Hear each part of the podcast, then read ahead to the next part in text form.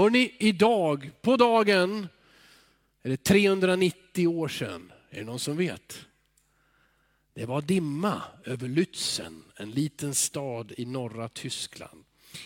In i dimman red en väldig krigarkonung. Den största som har regerat över det här landet, Gustav Adolf, den, Gustav den andre Adolf. Den 6 november i Lützen. Och han var en modig karl. Och han stred alltid själv, han var också fruktad. Jag har lärt mig barnböner på tyska. Där barnen bad av fruktan för Gustav Adolf och Karl Axel Oxenstierna. Så de spred död och förskräckelse. Men här i Sverige och i våra historieböcker heter det detta var stormaktstiden. Och det här var inte en kung som vilken som helst. Han var modig, han deltog alltid framme i fronten. Och den här morgonen redan på med sån snabbhet att hans eh, medföljare, officerare och soldater kom bakom i dimman. Och ingen vet precis vad som hände, men han sköts ihjäl. Och jag minns jag, när jag läste om honom, jag tror det var i Svenska Dagbladet, då kanske jag var tonåring. Jag vet inte om de hade öppnat hans grav och kropp eller hur de hade gjort det här. Jag tror han ligger i Riddarholmskyrkan. Eh, men han, han, eh, han hade alltså korn och skrot i hela kroppen. För på den tiden när man sköt och träffades, då kom det spikar och kulor och allt möjligt som man kunde stoppa in i musköterna. Och, och det var omöjligt att, att, operera ut det mesta av det, så det fick vara kvar. Så så här var han, denne Gustav den andre Adolf, för 390 år sedan, 6 november. Men nu vill jag berätta om en annorlunda kung.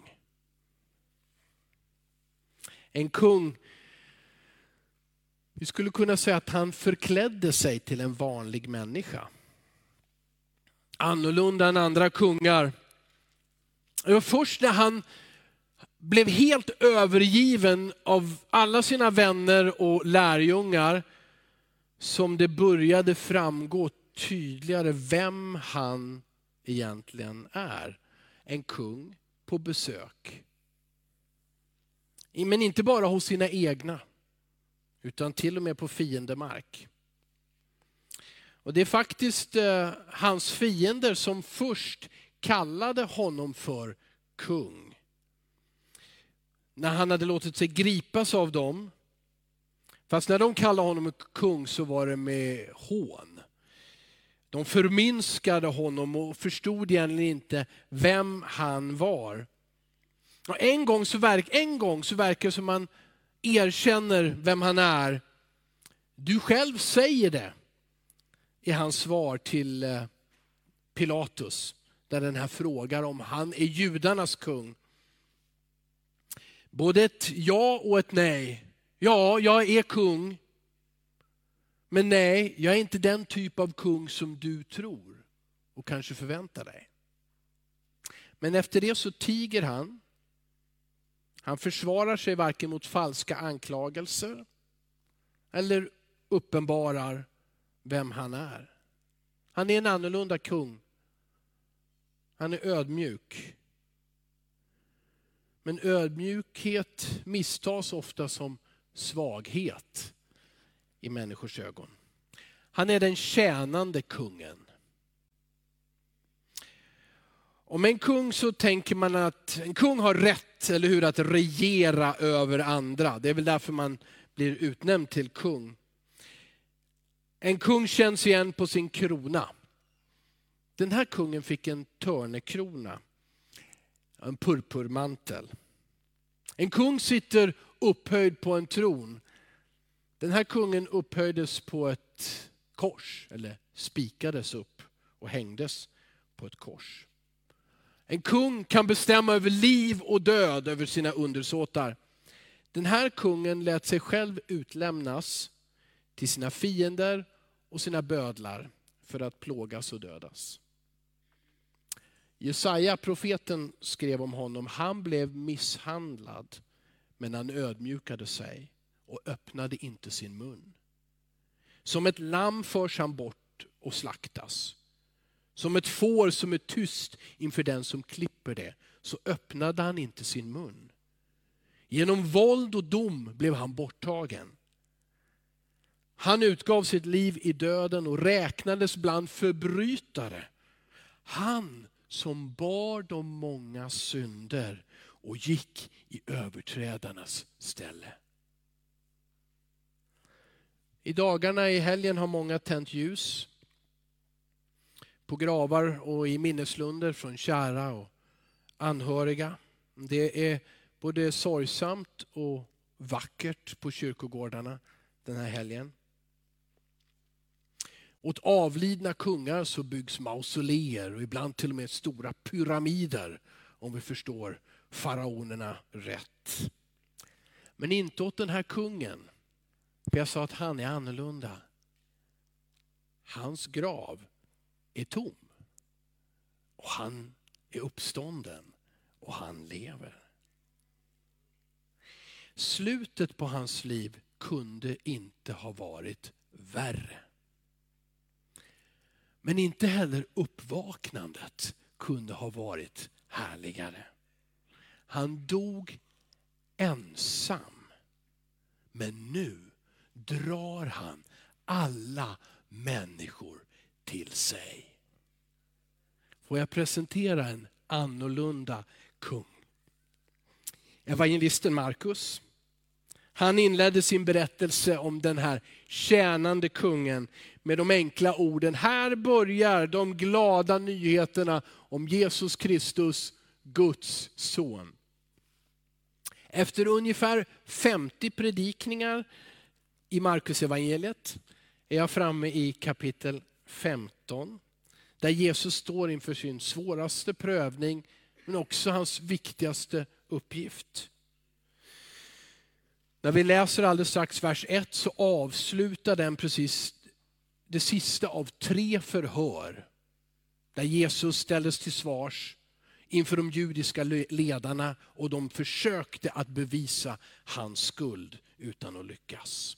Och sen så går det vidare med tre stycken eh, förhör, domstolsförhör eh, inför världsliga eh, makter. Inför Pilatus, inför Herodes och sen inför Pilatus igen. Fast här i Markus evangeliet så berättas inte om Herodes och det samtalet. Trots att ingen, absolut ingen, i någon av dessa sex förhör lyckades på ett enda sätt bevisa att Jesus var skyldig till någonting.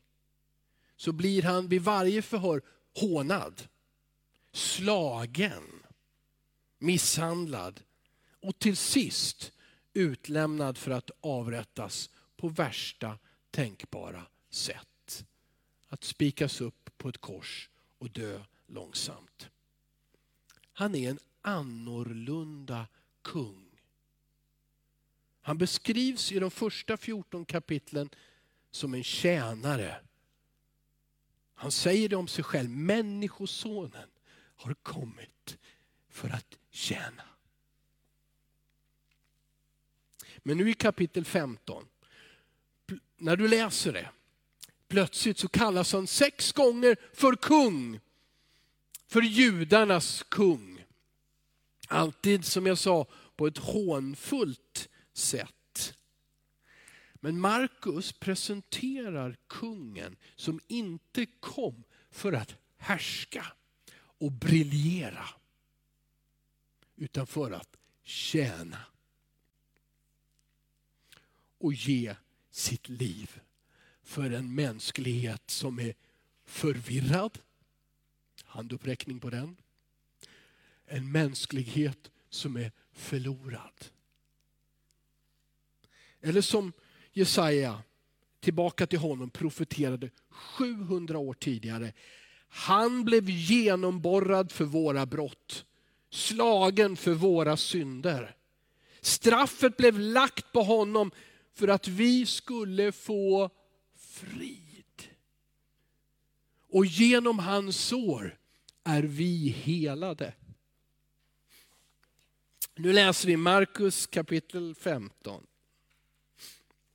Jag kommer att läsa totalt de 20 första verserna. Men jag börjar med vers 1 till 5. Redan tidigt på morgonen tog översteprästerna sitt beslut tillsammans med de äldste och de skriftlärde, hela stora rådet. De band Jesus och förde bort honom och utlämnade honom till Pilatus. Pilatus frågade honom, så du är judarnas kung?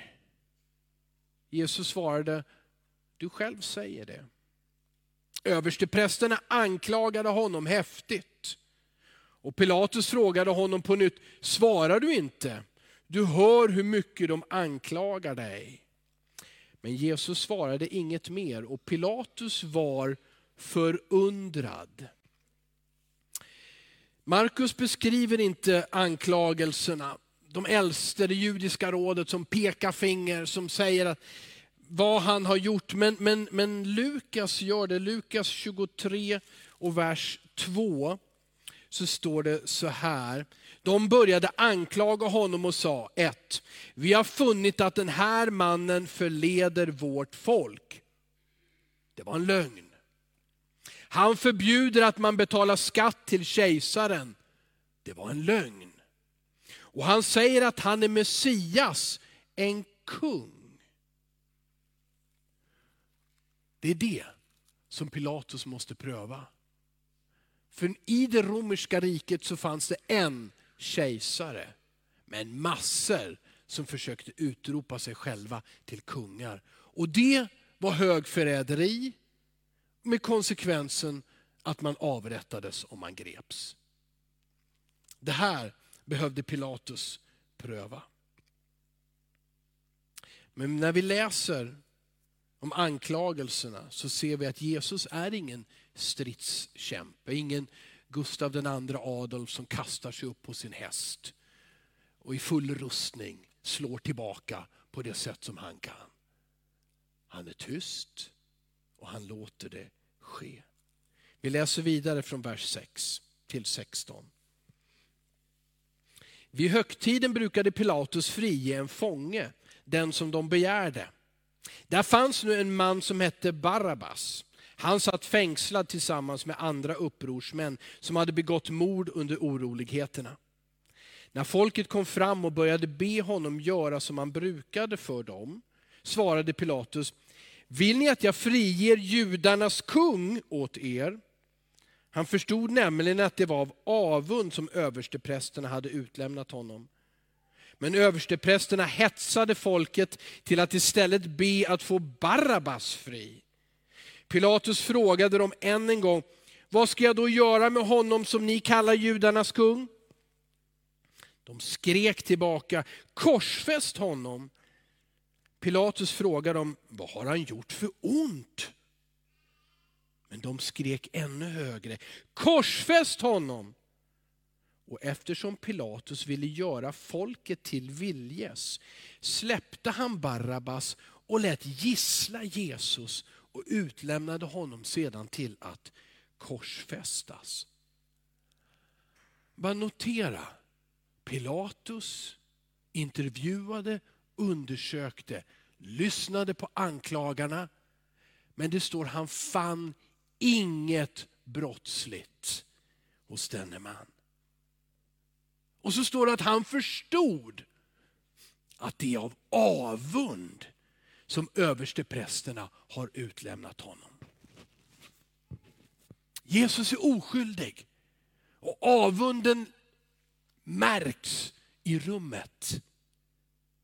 Men ändå Pilatus. Varför? Jo, för att han ville göra folkets vilja.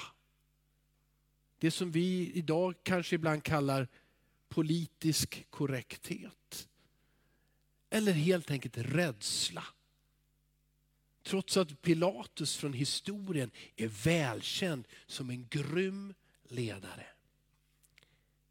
Men han vill göra folket till vilja. Så vad blir, vad blir slutet? Han låter gissla Jesus på det romerska sättet med 40 40 piskrapp minus ett. Minus ett så att, bara för att undvika att det inte blev 41, för då fick den som hade piskat honom betala med det där extra straffet. Därför alltid räknar man till 39.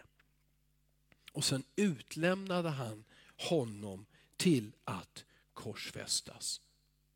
Trots att Jesus varken försvarade sig verbalt eller fysiskt så var Pilatus så feg att han lät döma en oskyldig man till döden. Vi läser verserna 16 till 19.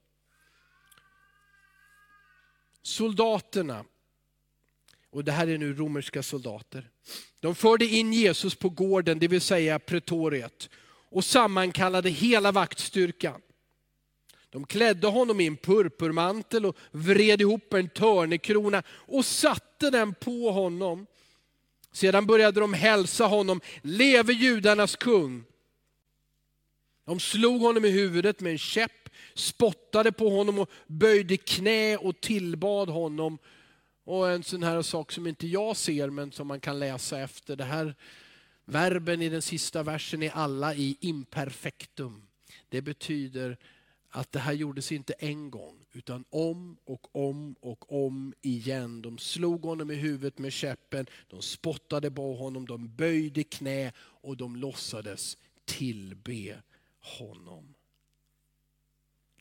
Och så läser vi vers 20 som är den sista versen här. När de hade hånat honom tog de av honom purpurmanteln och klädde honom i hans egna kläder. Och sedan förde de ut honom till att korsfästas. Hur kan man beskriva den här annorlunda, annorlunda kungen? För det första vill jag säga, Jesus var en lydig kung. Hur kunde han frivilligt utsätta sig för detta? Jo, av lydnad. Hur kunde han hålla ut under så mycket lidande och förödmjukelse? För att han hade bett till Fadern och överlämnat sig helt. När skedde det? Det kanske skedde hela livet. Men kvällen innan i ett semane, då står det så här i Markus 14, vers 35 och 36. Han gick lite längre fram och föll ner på marken och bad att om möjligt bli förskonad från denna stund. Han sa, Abba, far, allt är möjligt för dig. Ta den här bägaren ifrån mig. Men inte som jag vill, utan som du vill. Jesus hade inga konstiga offerkomplex. Han ville inte lida. Han ville inte dö. Han bad, ta den här bägaren, och då menar han korset. Ta den här bägaren ifrån mig. Men landar under bönen i det här, inte min vilja, Fader, utan din vilja. Jesus var en lydig kung. Filipperbrevet kapitel 2 och vers 5 beskriver hans inställning. Var så till sinne som Kristus Jesus var. Han var till i Guds gestalt, men räknade inte jämlikheten med Gud som segerbyte. Utan utgav sig själv och tog en tjänares gestalt och blev människan lik. När han till det yttre hade blivit som en människa ödmjukade han sig och blev lydig ända till döden. Döden på korset. Lydnad En sån lydnad får normalt sett oss människor att protestera och vända oss emot det. Det där är för starkt. Det där känns orättfärdigt. Men han lydde sin fader. Varför? För att ge frälsning till dig och mig. Och för att ge det största uttrycket för Guds kärlek. Därför lydde han. Var så till sinnes, skrev Paulus. Vi ska vara som Jesus. Vi ska lyda Gud så som Jesus lydde Gud. Vi ska ha sådana tankar och en sån inställning. Vill du och jag fortsätta att göra saker på vårt sätt? På mitt sätt? Eller vill vi lära oss ödmjukhet av Jesus? Lydnad av Jesus. Är det för extremt? Är det för otäckt radikalt? Med sin lydnad så besegrade Jesus din och min största fiende, döden. Den som vi betänker den här helgen och de kära som har gått före. Jesus besegrade döden genom sin lydnad.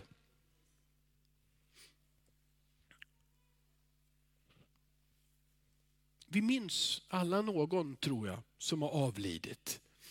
Några av oss tänker intensivt på dem och andra kanske lite mindre. Men de dog alla. Men känner du någon som har besegrat döden? Jag känner en. Han heter Jesus Kristus.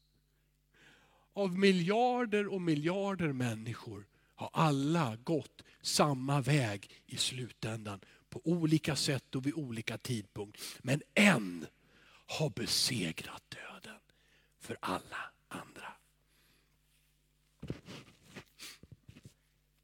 Var så till sinnes. Var så till nästa gång som du eller jag, och det kan hända jättesnabbt, får oberättigad kritik. Ska vi reagera som vi tycker att vi ska reagera? Eller ska vi fråga Jesus, vad gjorde du Jesus med oberättigad kritik?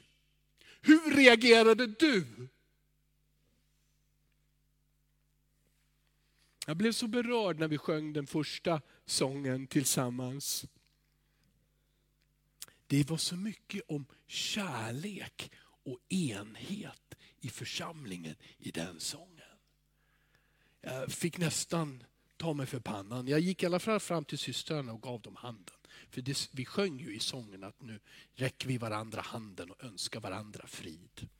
Och jag tror mig veta att gamla pingstvänner de kunde till och med stoppa sången där, eller hur? Och så, och så kunde man gå runt i raderna och skaka hand med varandra och önska varandra frid. Men det är ändå inte det där yttre, utan det är hjärtat. Att han har dött för dig och mig. För att ge oss frid med honom men också med varandra. Och så säger han, var, Paulus säger, var så till sinnes som Jesus också var. Som inte satte sig själv först som inte vakade och bevakade sin jämlikhet och sina rättigheter, utan han ödmjukade sig, han lydde sin fader i allting. Och du och jag, hela mänskligheten tänker, det måste vara en förlorare. Värre än så kan det inte bli. Ett större fel än så kan man inte göra. Men Jesus uppstod. För han hade besegrat dödens makt. Han var en lydig kung, en annorlunda kung, en tjänare. Och Filipperbrevet fortsatte så här. Därför har Gud också upphöjt honom över allting och gett honom namnet över alla namn.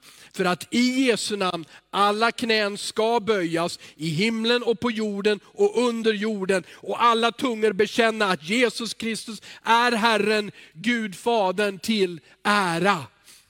Alla människor kommer att böja sina knän för han som gav sitt liv för dig och mig.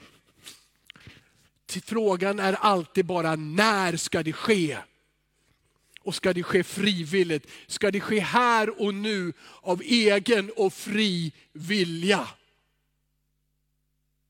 Eller ska det ske på den sista dagen av ren förskräckelse över vad du kan ha missat livet igenom. Att det finns en som är kung och han är kungars kung. Och han gav sitt liv för dig. För att du ska få vara med. För det, jag kan inte ta hela Bibeln där nu om himlen. Men det blir bröllopsfest och det blir fest. Och det blir en himmel av evighet. Och den vill Gud inte ha utan dig och mig. Och varje människa. Därför var han tvungen att lyda in i minsta detalj sin fader och gå denna sträcka som kändes mycket, mycket längre än en extra mil. Hela vägen, ända till döden på ett kors för din och min skull. Han var en lydig kung och han är också den sanne kungen. I gamla testamentet så, så benämns Gud som kung ibland. Kanske kommer du ihåg profeten Samuel. Han som var domare och ledare i Israel. Och folket kom och sa, vi vill bli som de andra folken, vi vill ha en kung. Men Samuel visste att han fick inte göra någon till kung. Israel skulle inte ha en jordisk kung som de andra folken, för de hade redan en kung. Vem? Jo, Gud. Gud skulle vara deras kung. Men med motvilja och på ett direkt tilltal ifrån Gud så smörjer ändå Samuel Saul till kung. Gud var kung. Det finns så många salmer till exempel som hyllar Gud som kung över hela jorden. Jag läs, citera psalm 47, vers 7 9. Lovsjung Gud lovsjung. Lovsjung vår kung. Lovsjung för Gud är kung över hela jorden. Lovsjung med vishet. Gud är kung över folken. Gud sitter på sin heliga tron. Här sitter Christian Liljegren. Han har skrivit sånger på det här temat. He is the king. Han är kung. Christian, om du inte känner Christian så har han startat fler hårdrocksband än du har eh, bytt bilar. Eller, jag menar. eller hur? Och sjunger så, så starkt, så tydligt Guds ord. Men också lovsång. Jesus, nej Johannes, Johannes 1 och 14 beskriver den här enkla människan Jesus som någon med konungslig ära. Det står så här i 1 och 14. Ordet, vilket är Jesus, ordet blev kött och bodde bland oss och vi såg hans härlighet. Den härlighet som den enfödde har från Fadern. Han, Jesus, i sin enkelhet hade en ära ifrån Gud. Han var Guds son. Han hade en kungs härlighet. Han övergavs av lärjungarna. Han hånades av de som dömde honom och till och med av bödlarna när de klädde ut honom till en vasall. En romersk lydkonung under kejsaren. Och de låtsades att tillbe honom. Men inte alla kapitel 14 berättar också om två dagar innan en kvinna, när Jesus var i Simons hus. Simon som kallades Simon den spetälske. Då kommer en kvinna dit. Och alla undrar vad gör den här kvinnan här?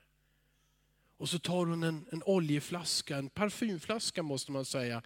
Värd så mycket som en hel årslön. Bryter dess sigill, för så är det alltid. De bryter man och då är den öppen och går inte att tillsluta som dina och mina dyra saker hemma. Och så häller hon det över Jesu huvud. Och kritiken låter inte vänta på sig. Vad är detta för slöseri? Kvinna, det här är en årslön och det finns massor med fattiga att hjälpa. Bara en beskyddar henne. Jesus. Låt henne vara. De fattiga har ni alltid ibland er. Men hon har smort mig för min begravning. Männen flydde. Bödlarna agerade. Översteprästerna skrek. Men denna kvinna, hon tillbad Jesus äkta ifrån hjärtat. Det fanns inget hån. Det fanns inget förlöjligande. Hon ödmjukade sig, tillbad Jesus, fick själv ta emot en liknande kritik som honom, men fick också upprättelse av honom som är kungars kung. Och bara han hade förmågan att säga, om den här kvinnan ska det berättas i hela världen. Bara han kunde veta och se in i framtiden. Han kunde upprätta henne för att hon tillbad honom. Bara han är kung. Vill du tillbe honom? Eller väljer du tystnaden för att undvika kritiken? Är det tryggare att hålla det för dig själv i ditt hjärta så det är tyst så att ingen märker det? Det känns som om det var det som lärjungarna gjorde när Jesus skulle gripas. Och den tystnaden ledde till att de till slut övergav sin mästare. Det finns, tror jag, ingen mellanväg. Det finns ingen lagom tillbedjan som är anpassad till vad de andra gör och tänker. All sån tillbedjan, hur mycket den än börjar ur ett, ett rent motiv och en önskan att verkligen vara tacksam till honom, riskerar att leda till att när det verkligen gäller så flyr vi ifrån Jesus.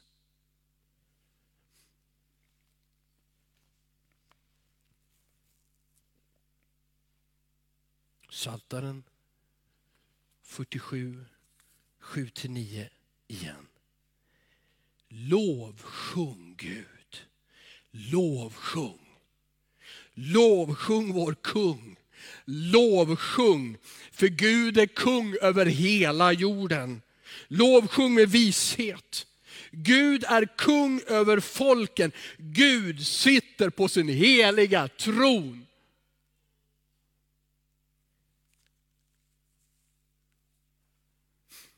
Att han var kung, det vet vi också genom hans liv och hans tjänst. Från att han hade ett rike. Han sa till Pilatus, mitt rike är inte av denna världen. Det här är i Johannes evangeliet. Skulle det ha varit av denna världen, då skulle mina tjänare ha kämpat för att jag inte skulle utlämnas. Då hade de kämpat så som en kung eller en soldat men mitt rike är inte av den här världen, sa Jesus. Markus evangeliet, de första orden ur Jesu mun är tiden är inne och Guds rike är nära. Omvänd er och tro på evangeliet. Den som lyssnar till Jesus förnimmer att han är en kung. Även om han inte kommer och säger, jag är kung. Han säger Guds rike är nära. Ett kungarike är nära. Jag är här. Omvänd er och tro evangelium. Vägen till medborgarskap i det riket en helt annan väg än medborgarskap i alla andra riken. Det går genom att tro på Jesus. Genom att ta emot honom i sitt hjärta.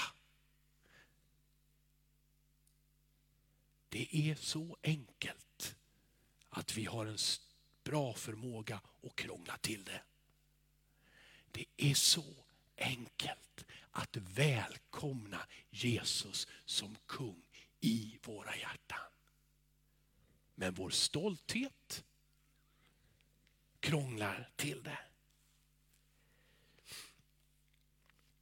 Jesus var en lydig kung. Jesus är den sanne kungen. Och till sist, han är kungen som tog vår plats. Eller? Han är kungen som ger liv. Barabbas berättas det om. Han var en mördare, en upprorsmakare. Han skulle straffas. Han skulle avrättas. Pilatus tyckte han hade en bra plan. Det är ingen som vill se Barabbas fri, inte heller de judiska ledarna. En upprorsmakare som påkallar Roms eh, eh vrede. Hans plan var så enkel. Självklart kommer Jesus att släppas fri. Så behöver jag inte uttala mig, folket får välja och Jesus går fri. Men de hatade Jesus mer än Barabbas. De hatade en fridens man mer än en mördare och upprorsmakare. Jesus tog en mördares plats den dagen. Men var det bara en mördares plats? Var det hans plan? Inte bara att dö för Barabbas, utan för alla och för dig och mig. Romarbrevet 3 och 23 säger, alla har syndat och saknar härligheten från Gud. Men Romarbrevet 6 och 23 förklarar vad, in, vad konsekvensen är. Synden är, syndens lön är döden. Men Romarbrevet 5 och 8 säger, Gud bevisar sin kärlek till oss genom att Kristus dog för oss medan vi ännu var syndare. Han tog inte bara Barabbas plats, han tog alla människors plats av lydnad, av kärlek. För att han var den sanne kungen så tog han din och min plats. Vi som har syndat, vår synd lades på en som var utan synd. Och när han dog, då dog din synd med honom. Och därför är du fri, fri, fri vad säger jag, letar efter ett ord. Därför är du fri. Därför är du fri.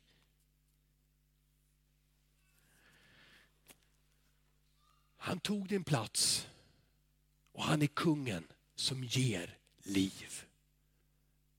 Ja, detta är min fars vilja, sa Jesus, Johannes 6.40. Att var och en som ser sonen och tror på honom ska ha evigt liv. Och jag ska låta honom uppstå på den yttersta dagen. Det här är hopp för dig och mig och grannen och vännen och ovännen. De som lever och de som har gått före. Jesus Kristus, han är kungen som ger liv. Ska vi stå upp tillsammans?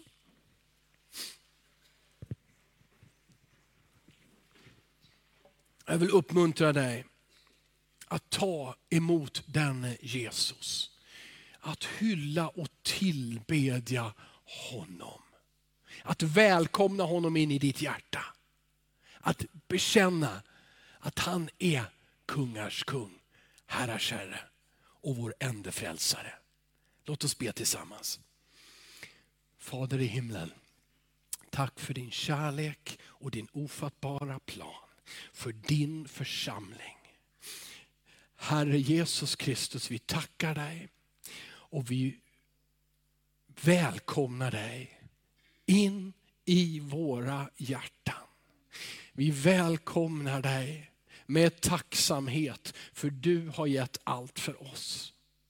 Vi välkomnar dig för du är den enda som kan se ett trasigt hjärta och inte förstöra det ännu mer. Utan komma in och älska och hela det och ge oss ett nytt liv och en framtid och ett evigt liv. Vi tackar dig och vi hyllar dig Jesus Kristus och vi ger dig vår lovsång och vår ära. Herre, Herre, vi vill lovsjunga dig i evighet, Herre. Med de som har gått före oss, med änglar, Herre, och med allt det skapade vill vi prisa dig, Herre. Och vi ber att du ska regera i våra hjärtan, i våra liv. Över våra tankar och våra reaktioner, över vår vardag, över allting. Herre, var vår kung, du som är kung, Herre Jesus. Tack för att du frälser den som vänder sig till dig. Tack för att du förlåter synder, för du har tagit dem på dig själv. Tack för att du helar och upprättar och frälser alla som kommer till dig. Välsigna oss med din frid, Herre. Och ge oss en vilja att göra din vilja. Vi ber i Jesu namn. Och allt folket sa, Amen.